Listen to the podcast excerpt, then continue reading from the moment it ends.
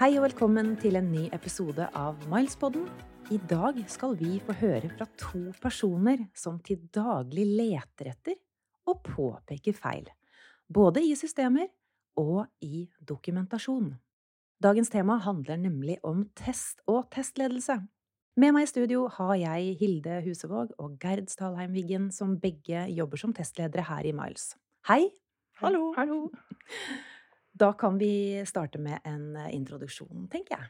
Hilde? Jeg har jobba med test og testleding siden jeg var ferdig å studere. Eh, De siste åra har jeg jobba i Miles som konsulent ute hos forskjellige kunder. Det var tilfeldig at jeg starta med testing da jeg eh, begynte i den første jobben etter endt utdanning. Men det er ikke tilfeldig at jeg fortsatt jobber med testledelse nå. Jeg elsker jobben min. Får betalt for å finne feil, og påpeker de til andre. Ja, Ja. Jeg, eh, har jobba med testing siden 2015 ca. Og før det så jobbet jeg med utvikling. Der fant jeg vel egentlig aldri helt plassen min, for jeg trivdes ikke som utvikler. Eh, Før en kollega da, tidligere kollega fant, introduserte meg for testfaget. Og der eh, åpna det seg en stor verden som jeg eh, har elska å være en del av siden. Mm, så bra. Da eh, kan vi starte med å rett og slett eh, stille spørsmålet Hva gjør egentlig en testleder? Ja, det kan du lure på. En eh, testleder har ansvar for å planlegge og leie gjennomføringa av tester for å måle kvaliteten på et system eller en leveranse. Ofte så gjør vi dette i samarbeid med andre. Hvis jeg er testleder for et mottaksprosjekt hos en kunde, så sørger jeg for at brukerne sine krav og ønsker til det nye systemet blir satt i system, eh, og testa, slik at vi når testen er ferdig, kan komme med en anbefaling om systemet kan bli tatt i bruk, eller om det må gjøres ytterligere arbeid før løsninga er hensiktsmessig å, å bruke. Ja, og når vi da skal klare å gi en best mulig anbefaling da, før vi Når de skal ta en avgjørelse på om vi skal ut i produksjon eller ikke, så bruker vi gjerne litt ulik dokumentasjon eh, som grunnlag. Eh, og da blant annet så har vi jo litt teststrategi, hvor vi planlegger hvordan, eh, hvilke aktiviteter som skal foregå. Eh, vi har ofte en testplan som skal planlegge testing i den kommende perioden. Men det viktigste er kanskje testrapporten, hvor vi viser hvilke feil som finnes, og hvordan eh, status er, på en måte. Mm. Eh, Og den bruker du gjerne som, som de kan Altså forretningssiden eller mottakskunden kan eh, ta best mulig avgjørelse da, ut, basert på den. Vi har jo også som en del av planleggingen ofte ansvar for å sørge for at testmiljøene er oppe, og at testdataene er eh, bra før vi kan starte å teste. Som Hilde sa, så samarbeider vi også en del med ganske mange forskjellige typer eh, andre roller. Både designere og utviklere, arkitekter og veldig mange forskjellige. Det å være testleder handler òg mye om å være diplomat og takle forskjellige personlige dommer. Jobben vår er jo å stille kritiske spørsmål og finne feil på andre folk sitt arbeid. Populært. Det er ikke alle som syns det er like populært. eh, Og det er noen som syns det er vanskeligere å takle enn andre. Og det er jo viktig for oss å huske på det i jobben vår, da, at vi eh, Det er liksom babyen deres vi kritiserer, og det kan være lett for den andre personen å gå i forsvarsmodus, eller ja, skyttergraver, da. Ja. For at vi kommer med litt sånn negative tilbakemeldinger, eh, så er det jo greit å være påpasselig på at eh, den personen skjønner at det her er jo i beste mening for produktet, men også for den personen, å få de tilbakemeldingene. Så når jeg kommer inn i et nytt team, eh, eller skal begynne å samarbeide med noen nye personer, så prøver jeg å bruke litt tid på å, å føle meg fram, det er gåsetegn, Ja. eh, for å bli kjent best mulig.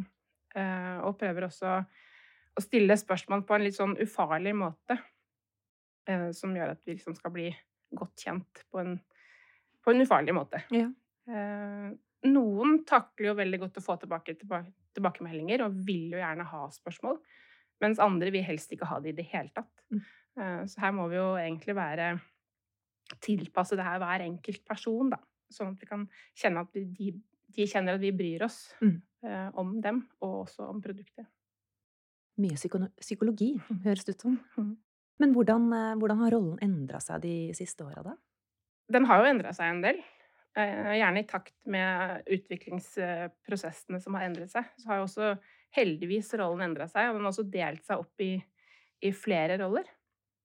Tidligere så var det gjerne sånn at når du, når du spurte etter en tester eller en testleder, eh, så forventa du å få en person som gjorde alt ifra planlegging, funksjonell testing, automatisk testing, ja, alt egentlig.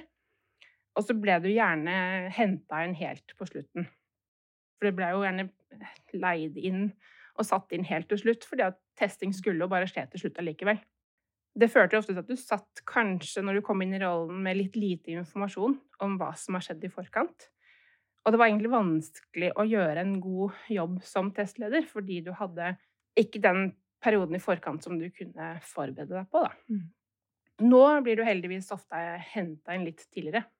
Og du kan starte planleggingen og innhenting av informasjon mye tidligere. Så det er rett og slett mer testing.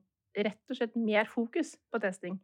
Eh, og det er, en viktig del av utviklingsprosessen nå. Og som Gerd sier, da, så er jo det for seg Vi ser i dag at det er mer spesialiserte roller innenfor test og, og testleding. Eh, altså, du har såkalte tekniske testere. De jobber gjerne med automatisering, ytelse, sikkerhet. Og en teknisk tester altså Det kan godt være en som bare er spesialist på ytelsestesting eller sikkerhetstesting. Han kan gjerne ikke begge deler. Eh, Så har du funksjonelle testere, som eh, er de som funksjonelt tester manuelt eh, løsninger. Og så har vi da testledere, som er gode på administrasjon, en slags prosjektleding av testing, og ja, planlegging, ha et godt overblikk. Mm. Og veldig mange testledere jobber jo òg med funksjonell testing. Eh, og noen som er gode testledere, kan òg være gode på teknisk testing. Mm. Så det Altså selv om det har utvikla seg til ulike roller, så er det nok eh, veldig personavhengig hva kompetanse en eh, testleder eh, har. Mm. Men hvorfor er testing viktig? Det er egentlig et godt spørsmål. Eh, Heldigvis er det jo mange som har fått opp øynene for testing da, i det siste. Og at det, ikke er, at det er mer en utgiftspost, som det ofte har blitt sett på. Og testing er jo egentlig viktig fordi at eh, det er menneskelig å feile. Eh, og vi jobber jo, som jobber med test, er jo eksperter på å prøve å finne sånne feil. Da. Mm. Så vil jo mange spørre um, hvorfor er det så farlig om brukerne finner feilen selv ute i, i, i produksjon, istedenfor at du da bruker tida på å og pengene på å finne den i forkant. Det er den jeg har kalt, hørt noen kalt incidentbasert testing. For enkelte system så vil det kanskje funke kjempefint. Eh, Men du kan jo tenke deg en situasjon hvor du f.eks. skal inn og bestille en flybillett, og så er det tilfeldigvis en feil i systemet akkurat der og da, som gjør at du får bestilt én billett av gangen. Du og barnet ditt da, som skal på tur, vil da ende opp med å få billetter som kanskje ikke nødvendigvis er ved siden av hverandre og du må bruke ekstra tid på å prate, ringe kundeservice eller løse det på andre måter. Det er kanskje ikke Hvis den feilen blir retta i produksjonen fort, så vil jo ikke det her kanskje ha så stor betydning verken for selskapet eller for deg som person. Mm. Eh, Men du vil jo kanskje sitte igjen med en veldig dårlig erfaring. Og kanskje dermed også da seinere velge et annet selskap neste gang. Ja, og det kan òg få for store konsekvenser om ei løsning har feil i produksjon. Eh, Oppdraget jeg har akkurat nå, det er jo Statnett. Eh, Der er jeg i et stort program der vi skal lage løsninger som sikrer automatisk stabilitet av strømnettet i Norge. Mm. I dag så blir dette gjort manuelt av operatører. Basert på mange forskjellige parametere så sitter de fortløpende og vurderer hva som er nødvendig å gjøre for å, å holde balansen i strømnettet. Og nå skal dette erstattes av automatikk. Hvis vi hadde latt brukerne finne feiler i produksjon, så kunne det i ytterste konsekvens ha ført til at strømmen gikk i hele Norge. Eh, Det er ikke en feil man vil ha. Nei, Mm, ikke sant? Ja. Eh, derfor er jo vi et stort team av testere og testlærere som bruker vår kompetanse for å finne eh, mest mulig feil før vi skal produsette den løsninga. Ja. Men samtidig så er det også viktig å tenke på at eh, man skal jo ikke teste seg i hjel heller. Så det er jo viktig å finne en balansegang da, på hvor mye man skal teste. Og der har vi en teknikk som heter risikobasert testing. Eh, hvor vi hele tiden ser på ulike deler av løsningen og finner ut hvor eh, risikabelt det er å legge den ut, eller hvor stort risiko det er for å finne feil i de ulike områdene. Og der kan vi jo eh, finne de områdene som da har høy risiko for feil. De kan man jo da ha en større innsats, testinnsats på, mens de områdene med mindre risiko for feil vil du ha mindre testinnsats på. Eh, og på den måten kan du også de med lavest risiko eh, legge ut i produksjonen og la brukerne der ute finne feilene der. Mm. Ja. Men ofte så eh, tenker man kun på testing i forbindelse med utvikling av applikasjoner. Men er det også andre prosjekter som kan ha nytte av å bruke deres kompetanse som testledere? Det er det absolutt. Eh, testing er ikke bare test av software. Det kan òg være test av fysisk infrastruktur. Eh, for eksempel da den nye terminalen på Gardermoen ble åpna for noen år siden, så ble det gjort et stort arbeid rundt eh, testing i forkant. Det var jo tolv nye køer for sikkerhetskontroll, det var mange nye innsjekkingsskranker. og for å sikre at alt dette skulle fungere som det burde, så var det et team som brukte ett år i forkant på å planlegge og gjennomføre testing. Eh, og til slutt så inviterte de jo for seg alle, eh, oss, du, til å være med og være flypassasjer for en dag. Ja. Og teste flyplassen. De brukte 5000 testkofferter for å, å sjekke at terminalen fungerte som forventa, før de åpna den. Såpass. Mm. mm. Et annet eksempel er jo ny legevakt som, i Oslo, som skal åpne til høsten. Den bygges som et passiv hus, eh, med en ambisjon om å være et plusshus.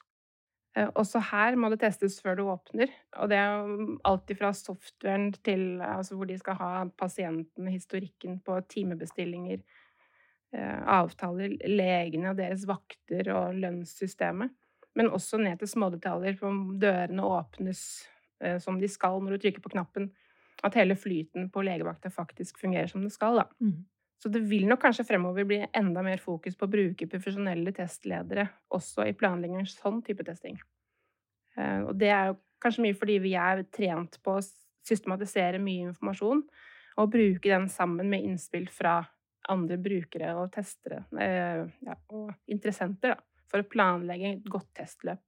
Men dere, det sies at uh, testing i prosjekter bidrar til lavere risiko for feil og bedre kvalitet på produkter og tjenester som utvikles.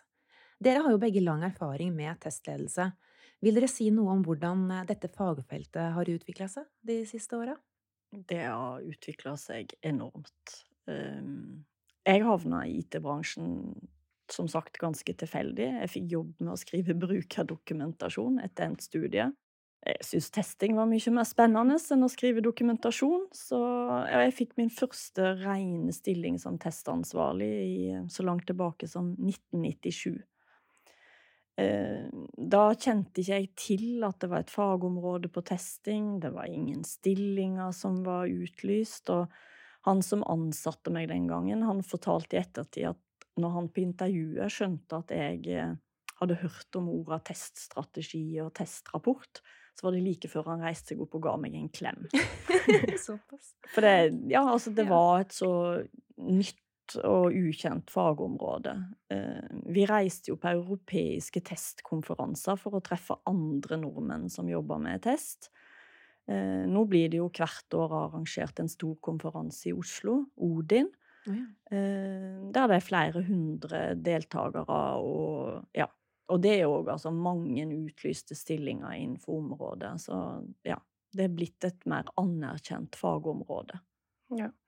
Når jeg begynte, så begynte jeg som en utvikler. Eh, og forholdet jeg hadde testa, det var at jeg skulle skrive eh, enhetstester eh, i koden.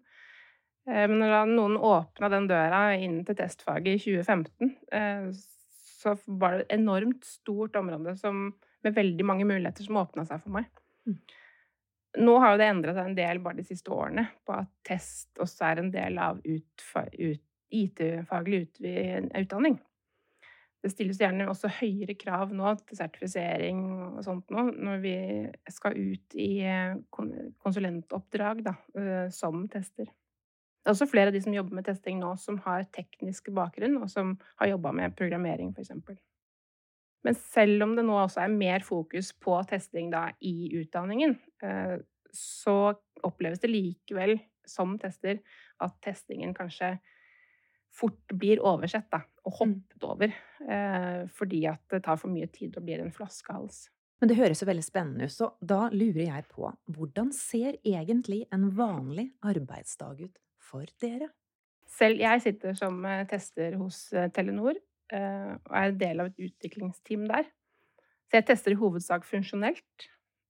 Jeg jobber tett med produkteiere og andre på forretningssiden, i tillegg til teamet med utviklere og designere. Mye av tiden i perioder går da til å se over skisser og brukerhistorier for å finne ut om kravene er godt nok stilt i forkant. Så bruker jeg også en del til på funksjonell testing da, når vi kommer i den perioden eh, hvor jeg skal teste. Rapportering av feil, svare på spørsmål, eh, lage testdata, ikke minst, og, snakke med andre testere også. Mens jeg har en litt uh, annen rolle. Jeg sitter som testleder på kundesida. Så jeg mottar fire applikasjoner som er utvikla av to forskjellige team. Eh, så jeg sitter jo og vurderer den testinga som er gjort av testeren i de teamet som leverer, for å uh, se om det er noe annet eller mer ja, vi er nødt til å, teste før vi kan sette i produksjon. I tillegg så har jeg òg ansvar for å planlegge test av alle integrasjonene på applikasjonene, uh, og bruker veldig mye tid på det. Uh, så dagene mine består av ja, 75% tenk kanskje testing, og 25% sånn ren testleiing. Men dere jobber jo eh, tett med utviklere. Det, det, snakker dere mye om. Hvorfor kan ikke utviklere teste alt selv? Altså, noen firmaer praktiserer det, og får det til.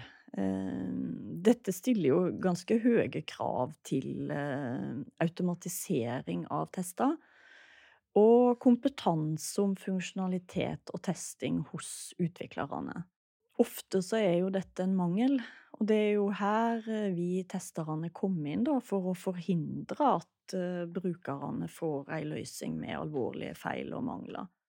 Altså, jeg kjenner jo ikke detaljene, men jeg har jo vurdert, basert på det som står i avisen i det siste, om kanskje Helseplattformen er et eksempel på ei løsning som uh, der utviklerne har testa mest sjøl. Det er jo to ting vi som jobber med testing, fokuserer på. Og det ene er altså verifikasjon. Er funksjonaliteten korrekt? Det vil si, fungerer den uten feil? Sant? Blir to pluss to fire? Eh, men det vi òg gjør, er jo validering. Er det den rette funksjonaliteten? Det vil si, får brukeren gjort det han skal med den løsninga vi har laga. Mm. Og det er jo kanskje et spørsmål utviklerne ikke nødvendigvis er så flinke å tenke på.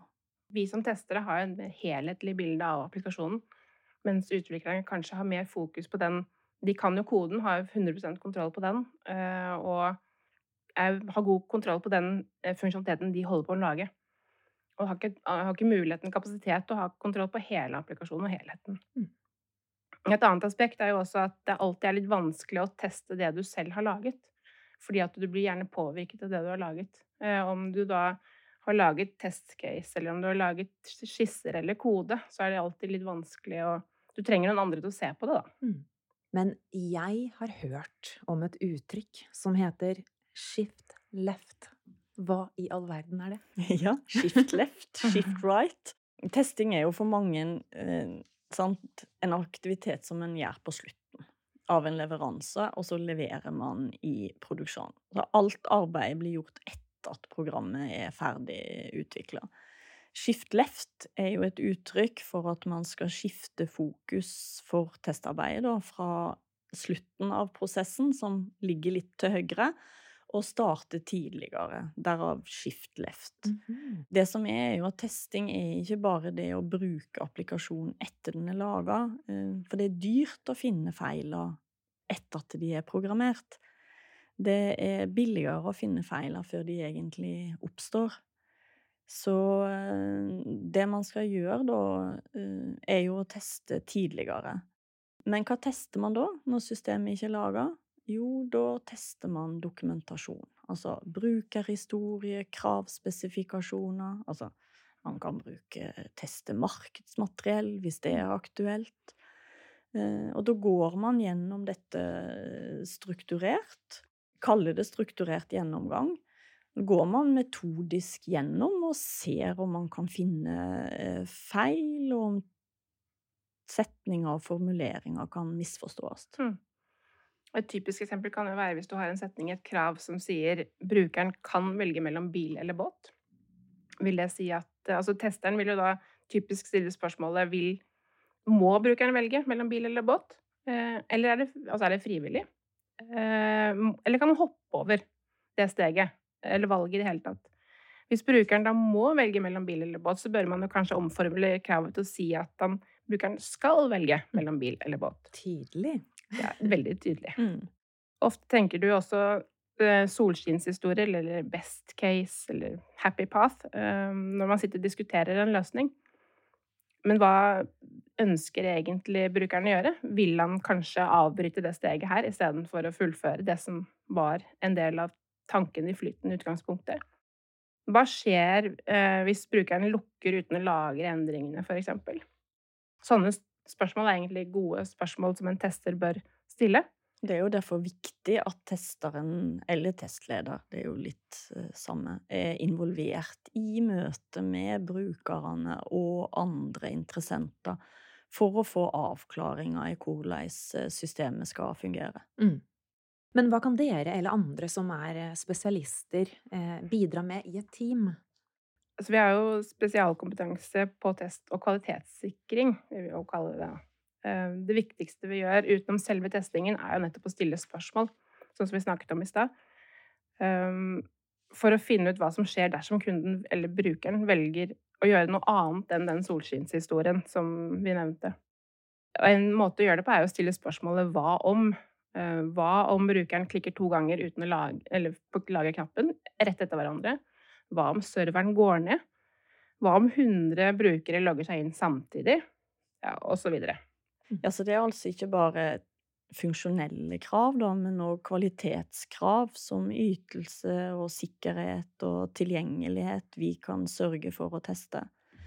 I Milespoden om UX så snakka Camilla om VKG-kravene, mm. som stiller krav til universell utforming av eh, applikasjoner. Og disse kravene gjelder jo ikke bare for, for seg, offentlige applikasjoner, men de gjelder for applikasjoner som er tilgjengelige for folk. Og her kan vi eh, som har ekspertise innen testing, bidra da, med vår kompetanse om hvordan vi best kan teste eh, at applikasjonen oppfyller de kravene. Det er jo etter hvert kommet mange gode verktøy for å teste mot disse VKG-kravene. Og vi kan bistå med å velge de verktøyene som er best egnet for test med skjermleser og test av kontrast og ja, navigasjon. Mm. Det blir jo ofte Dessverre så er mye av den testingen her eh, ignorert, for man har gjerne ikke tid til det, det blir ikke prioritert å ta det inn. Eh, men for å få et produkt som også oppfyller kvalitetskravene, så er det viktig at vi tar inn det her også tidlig. Eh, og at det blir en del av utviklingen. Og at testeren kan jo være med da og bidra til å stille de riktige spørsmålene om det her da, tidlig i prosessen. Samtidig som vi også kan ta hensyn til det og teste det i etterkant. Men dere, la oss snakke litt om eh, nye trender. Dette med automatisert testing, det er mange eh, som har begynt å ta i bruk for å gjøre prosessene raskere. Kan automatisert testing overta en testers rolle i et team? Nei. Det mener jeg ganske klart at den ikke kan. um, automatisert testing det er jo et veldig godt sikkerhetsnett uh, som vi kan bruke til å lene oss på. Um, automatiserte tester kan skrives både av utviklere, men også av testere. Men dersom utvikleren skriver den, så er vi også tilbake til det her med at um, det er vanskelig å skrive uh, test av sin egen kode. Med et godt sikkerhetsnett av automatiserte tester, så kan vi som testere bruke mer tid på å leke med applikasjonen, eller bruke såkalt eksperimentell testing, hvor vi bruker applikasjonen uten manus. Uh, og på den måten finner vi bedre og viktigere feil, egentlig. Så for de automatiserte testene de vil gjerne finne de samme feilene hver eneste gang, for de kjører seg jo ett spor og tester det samme hver gang. Mens hvis du leker litt med applikasjonen, så vil du fort finne andre typer feil. Ja, så det er jo som Gerd sier, at automatisert testing kan overta. Eh, og kan overta en del av den jobben som kanskje ikke er mest spennende. Mm. Nemlig regresjonstesting. Da skal man jo bare sikre at alt fungerer som før. Eh, men det at man nå oftere går i produksjon, det krever jo at den regresjonstesten blir gjort oftere. Så det å ha de automatiserte testene på plass, det er veldig viktig. Eh, selv om vi selvsagt eh, bør være med spesialistkompetanse, da, i teamet. Men jeg tror jo at om ti år så vil rollen vår kanskje være mer med fokus på rådgivning. Mm. Rett og slett fordi at man skal gå fortere i produksjon. Det blir ikke så god tid til å sitte og teste etterpå. Man kan bli en flaskehals, som Gerd sa. Så det å være inne og rådgive i forkant, det mm. blir mye viktigere. Mm. Men hvilke, hvilke, andre trender kan vi se? Eh, nå har vi dere har jo vært eh, innom noe av det, men, men hva tror vi om rollen som en tester har om ca. fem år, da? Er det stor endring på alt det dere har snakket om? Det blir jo spennende å se hvordan maskinlæring og kunstig intelligens vil påvirke testinga vår fremover. Eh, vil det være sånn at kunstig intelligens eh, kan skrive testene for oss, og dermed kunne overta jobben med å lage mye av de kjedelige testcasene? Det kan jo se ut som vi faktisk er på vei dit allerede, for det har jo allerede kommet mye verktøy, nye verktøy som er såkalt scriptless. Disse krever jo ikke at man skripter testene, men de bruker de i stedet kunstig intelligens og maskinlæring for å utarbeide gjenbrukbare og robuste testskript. Ja, det vil jo bli helt uh, fascinerende. Altså, til slutt vil jo kanskje applikasjonen sjøl skrive sine egne tester, tenker jeg da. Ja, I tillegg eh, til at rollen som tester og testleder kan endre seg når det gjelder å skrive testskript, så tror jeg også at rollen vil fortsette å endre seg i takt med uh, måten man jobber på, da, spesielt i IT-prosjekter. I dag så er det mye snakk om agile og devops, uh, og fremover så vil det jo skje en overgang til QA-ops. QA-ops fokuserer på en raskere leveranse til markedet uten å gå på kompromiss med kvaliteten. Og fokuset er jo da på å forbedre samarbeidet mellom tester og utvikler ved å integrere QA-oppgaver gjennom hele prosessen. Eh, for kontinuerlig integrasjon og utvikling. Her kommer det også fokuset på shift left, som vi snakka om litt tidligere. Mm. Ja, altså de løsningene vi lager, de blir jo bare mer og mer sammensatte. Altså, det er slutt på å lage store monolitter. Man uh, bruker mikrotjenester mm, som snakker sammen. Altså, det blir En applikasjon består nå av gjerne av mange komponenter som er utvikla av forskjellige team. Og det gjør jo at det å ha si, overblikket og se hele sammenhengen, det blir mer komplisert. Eh, og her tenker jo jeg at vi som testledere kommer inn i bildet.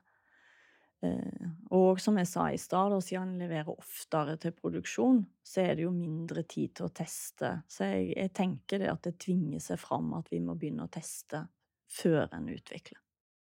Ja, og vi vil også jobbe som jobber med testledelse. Eh, ha mindre fokus på dokumentasjon og enda mer fokus på å være en testrådgiver da, for de som jobber i teamene, og spesielt da i forkant av utvikling, sånn at du kan unngå å kode de fleste feilene.